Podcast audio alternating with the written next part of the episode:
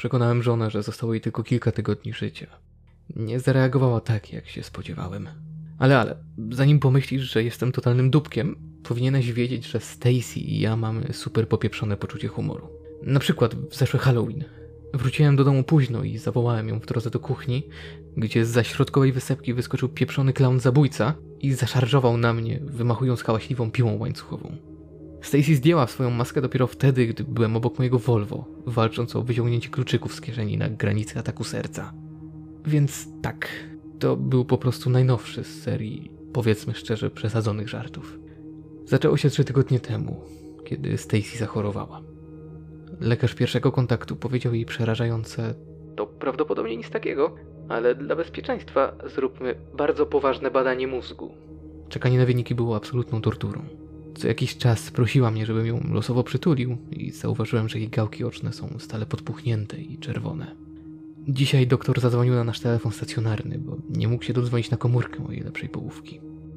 Kiedy zapytałem o wyniki, powiedział, że nie może powiedzieć nikomu poza pacjentką, choć zdecydowanie zasugerował, że możemy oczekiwać raczej miłych świąt. To podsunęło mi pomysł na dowcip. Pobrałem z Google kilka zdjęć skanu mózgu, wydrukowałem je i wsunąłem do koperty.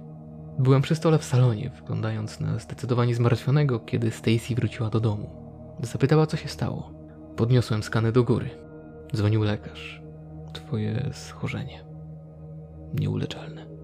O dziwo, nie wybuchła płaczem. Po prostu chwyciła pobliski wazon i uderzyła mnie nim w czaszkę. Byłem tak zaskoczony, że nie zdążyłem jej powstrzymać. Wszystko stało się czarne. Długi przez mgłę nie przebiły się słowa kocham cię. Zamrugałem od zamazanego wzroku tylko po to, by stwierdzić, że mam związane ręce. Prawa skroń Stacy była przyciśnięta do mojej lewej, a ona miała w ręku pistolet, ustawiony pod kątem tak, aby przebić się przez oba nasze płaty czołowe. Powiedziała mi, że nie może znieść myśli o tym, że będę kontynuował życie bez niej i zakładał kolejną rodzinę. Musimy iść razem, powtarzała. W tym momencie mgła mentalna rozwiała się na tyle, że mogłem krzyczeć: To tylko żart! To tylko żart! Oderwała się zszokowana.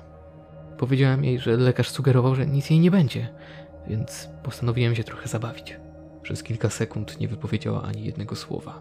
Potem wymusiła uśmiech i powiedziała: Jesteś takim żartownisiem. Zapomnijmy o tym, co się stało. Co powiesz na tajski obiad? Tym kończąc, powędrowała do kuchni. Kiedy siedziałem tam bez tchu, telefon zadzwonił ponownie. To był lekarz i tym razem brzmiał bardziej ponuro. Bardzo mi przykro z tego powodu, ale pomieszaliśmy wyniki. Czy może pan kazać swojej żonie zadzwonić do mnie jak najszybciej? To pilne. Kto to był, kochanie? Stacy zapytała, gdy przemknęła z powrotem do pokoju. Odłożyłem telefon. Nikt, kochanie. W głowie cały czas krążyło mi to, co powiedziała Stacy. Musimy iść razem. Wiedziałem, że moje kłamstwo prędzej czy później wyjdzie na jaw. Dla własnego bezpieczeństwa lepiej, jeżeli przygotowałbym się na tę wcześniejszą alternatywę. Podczas obiadu obmyślałem plan swojej ucieczki. Pomysłów miałem wiele. Początkowo planowałem zatrzymać się u któregoś ze swoich znajomych, ale Stacy zna każdego z nich. Nie mogę narażać ich na niebezpieczeństwo. Tak samo jak swoich rodziców, więc te dwie opcje odpadają. Trzecia opcja, która przyszła mi do głowy, to wynajęcie na jakiś czas pokoju w którymś z przydrożnych hosteli za miastem. Mam trochę oszczędności, które udało mi się ukryć. Planowałem kupić za to kostium i parę rekwizytów, aby odwdzięczyć się za klauna zabójcę, ale przyszłość tego związku uległa w ostatnich godzinach dość dużej zmianie. W myślach cały czas roiło mi się od scenariuszy potencjalnej ucieczki, gdy z zamyślenia wyrwał mnie głos żony. O czym tak myślisz? Zapytała, wpatrując się we mnie z drugiego końca niewielkiego stołu. Oderwałem wzrok od talerza z niemalże nienaruszonym posiłkiem i odpowiedziałem. O niczym, kochanie. Po prostu boli mnie głowa. Teoretycznie nie skłamałem. Pulsujący ból wciąż dawał sobie znać w miejscu, w które trafił wazon, a pod palcami wyczuwałem powiększający się z każdą chwilą guz.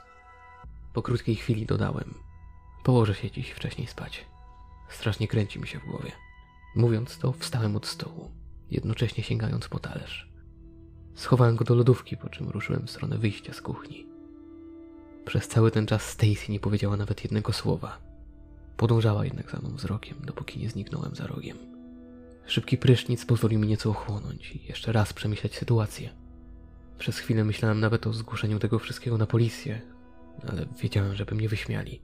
Dodatkowo, cholera, nie wiedziałam ile jeszcze zostało Stacy.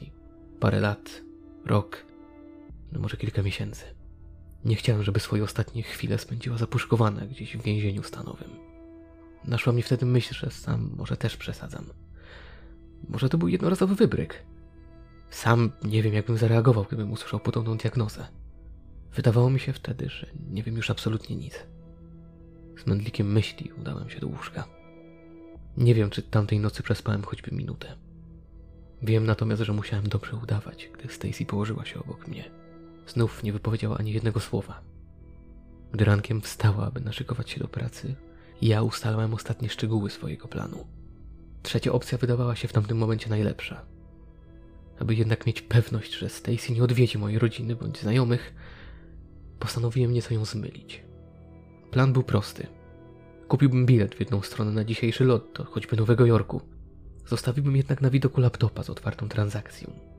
Zobaczyłaby, co niby zrobiłem i przez jakiś czas nie musiałbym się martwić, że mnie znajdzie.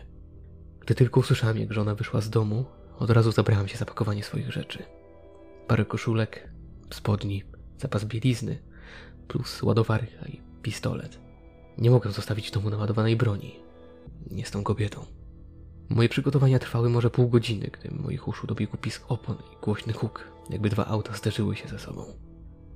Zamarłem w bezruchu, nasłuchując. Po chwili ciszy zamek w drzwiach zaczął się obracać. Odruchowo zacząłem wycofywać się w stronę kuchni, gdy drzwi wejściowe otworzyły się na oścież. Stała tam Stacy. Brudna, z nosa ciekła jej krew. Patrzyła na mnie przez chwilę, nie mrugając ani razu. Nim zdążyłem w pełni wycofać się z salonu do kuchni, ruszyła powolnym krokiem w moją stronę, jednocześnie powtarzając: Ty pierdolony kłamco. Na każdy mój krok w tył Stacy odpowiadała dwoma do przodu. Z sekundy na sekundę była bliżej mnie. Coraz lepiej słyszałem też, co mamrotała pod nosem. Kłamca. Żartownik. Zaufałam ci. Nie miałem pojęcia, co mogę teraz zrobić. Moja walizka z bronią znajdowała się na piętrze, ale droga na schody była już odcięta. Postanowiłem wciąż podążać w stronę kuchni. Dzwonił doktor. Pół roku. Obserwowałem każdy krok mojej żony. Gdy znalazłem się w głębi kuchni, Stacy ruszyła w stronę szafki, w której trzymaliśmy broń. Nie wiedziała jeszcze, że dopiero co zdążyłem ją opróżnić. Sam rzuciłem się w stronę stojaka na noże. Chwyciłem nóż do mięsa prawą dłonią, a lewą zabrałem sam stojak. W tym samym momencie usłyszałem rozsierdzony krzyk. Gdzie go schowałeś, kochanie? Kobiecy głos roznosił się po całym domu. Po chwili towarzyszyć zaczęło mu coraz głośniejsze echo kroków. Stacy wpadła do kuchni. Jej oczy błądziły po całym pomieszczeniu. W ręku trzymała wazon z bukietem alstremi w środku. Cały czas coś powtarzała, ale udało mi się wyłapać tylko kilka słów. Nie pozwolę. Musimy iść razem. Nasza zabawa w kotka i myszkę coraz bardziej nabierała tempa. Niewielki stół był wtedy jedyną przeszkodą między mną a tą psychopatką. W głowie zrodziła mi się wtedy myśl. Jeżeli dałbym radę ją ominąć, droga na zewnątrz byłaby wolna. Wciąż utrzymywaliśmy kontakt wzrokowy, gdy moich uszu doszło kolejne mamrotanie. Musimy iść razem. Gdy tylko ta wariatka wypowiedziała ostatnie słowo, wyjęła szybki zamach i rzuciła wazonem prosto w moją głowę. Ledwie udało mi się go uniknąć. Bez chwili namysłu stałej siły kopnąłem w stół. Trafił on prosto w cel. Stacy straciła równowagę. To był mój moment. Ruszyłem do ucieczki. Odgłos moich kroków zagłuszał dźwięk spadających noży. Minąłem salon i wbiegłem do wiatrołapu. Coś jednak było nie tak. Gdy chwyciłem za klamkę, drzwi ani drgnęły. Zadawałem sobie tylko jedno pytanie. Kiedy ta pierdolona wariatka zdążyła zamknąć drzwi? Chwilę siłowałem się z drzwiami, gdy nagle poczułem ostry ból w ramieniu. Odwróciłem głowę tylko po to, by zobaczyć zakrwawioną twarz Stacy, zaledwie kilka centymetrów od swojej własnej. Musimy iść razem. Resztką sił odepchnąłem ją od siebie. Chwiejnym krokiem ruszyłem na piętro, potykając się co chwilę. Na plecach czułem oddech Stacy. Wparowałem do pokoju. Mój wzrok z każdą sekundą tracił na ostrości, ale widziałem to, po co tu przyszedłem. Pistolet leżał na samej górze otwartej walizki. Chwyciłem za niego i odwróciłem się w stronę drzwi. Stacy stała w progu, zakrwawionym nożem w ręku. Wycelowałem. Kocham cię, wyszeptała. Pociągnąłem za spust. Magazynek był pusty. Musimy iść razem. Stacy rzuciła się na mnie. Znów poczułem ten sam ostry ból, tym razem w podbrzuszu. Czułem, jak krew odpływa mi z mózgu. Straciłem kontrolę nad swoimi nogami i osunąłem się na ziemię. Stacy cały czas coś mówiła, gdy drżącymi rękoma próbowała załadować naboje do magazynku. Musimy iść razem, kochanie. Niedługo się zobaczymy. Po drugiej stronie. Kocham cię. Stacy skierowała broń w moją stronę. Zamknąłem oczy. Dyspozytor padły strzały. Powtarzam, padły strzały. Przytomność odzyskałem dopiero w karetce. Dźwięk syreny zagłuszał mi wszystkie myśli. Po chwili usłyszałem męski głos. Ej, wszystko będzie dobrze. Trzymaj się tam i nie zamykaj oczu. Cztery miesiące spędziłem w szpitalu. Dwie rany kłute, rozcięta głowa i około 70 szwów. Powrót do zdrowia był trudny, ale udało mi się. Nie mogę tego samego powiedzieć o Stacy. Na moje szczęście ta wariatka uderzyła w auto naszego sąsiada, w której w swojej maniakalnej furii próbowała zaparkować. Wezwał on wtedy policję. Sierżant Johnson zauważył, że coś jest nie tak. Wszedł do domu i znalazł Stacy celującą prosto we mnie. Oddał trzy strzały. Moja żona zmarła na miejscu. Kilka sekund różnicy i nie byłbym w stanie opowiedzieć wam tej historii. Cóż, moja droga Stacy, ja nigdzie się nie wybieram.